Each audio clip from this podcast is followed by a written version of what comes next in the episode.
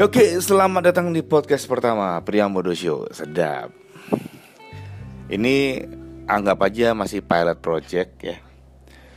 Saya lagi berada di Bali menikmati hari kedua ajang International Cup Under 20. Yang menarik adalah apa yang harus kita lakukan ketika kita itu lapar tapi tidak ingin makan.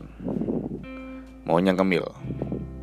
Ternyata sudah ada solusi yang cukup cantik saudara-saudara Yaitu pop mie rasa mie goreng.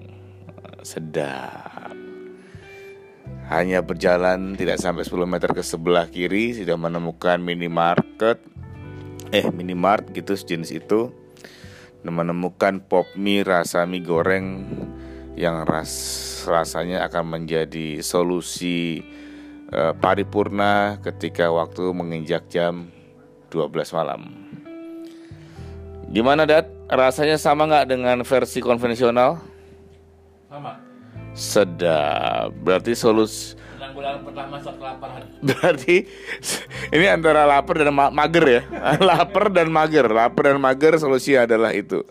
Jadi teman-teman gak usah khawatir jika anda mager, eh, tapi perut mulai keroncongan gitu kan sebentar kehidupan sudah sudah mulai semu diam sebegini maka mie goreng yang versi pop mie ini menjadi solusi aktif kita siap bekerja besok habis ini tidur lagi bro Oke, ya itulah solusi kami ketika kita sedang lapar dan mager. Kita akan bertemu di Priambada Show lainnya untuk mencari solusi-solusi gak penting lainnya.